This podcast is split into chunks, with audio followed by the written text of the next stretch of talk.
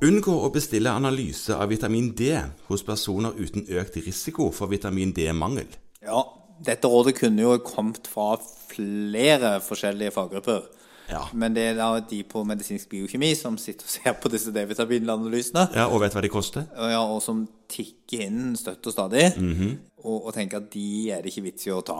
Nei, hvorfor er det ikke det, da? Nei, altså Poenget er det at svært, svært, svært mange, for ikke å si alle, Mm. bør jo i eh, vinterhalvåret ta D-vitamintilskudd uansett. Ja, Når vi har eh, bosatt oss her oppe, Ja. som vi har, Ja. så gjelder altså ikke det som vi to lærte på doktorskolen, Ja. at en god norsk sommer dekker vitamin D-behovet gjennom året. Nei, Det er vas. Og- Enten så var det veldig mye bedre somre før Nei, det, det har vært vas uansett.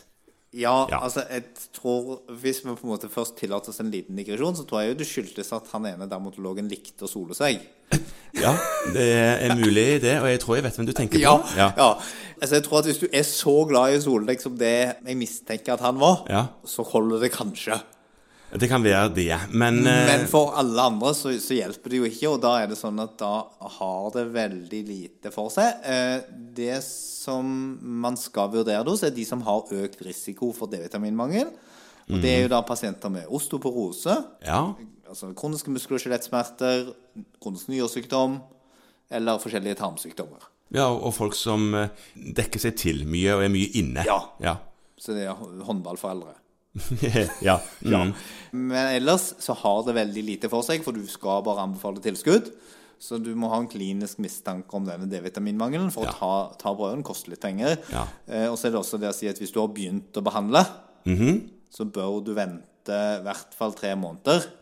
Fordi det er lang halveringstid på D-vitamin. ja, ikke sant? Ja, Ja. eh, Det er jo derfor vi sa at jeg holdt meg en god sommer. Fordi at det varer så lenge når du først har fått et høyt nivå. Ja.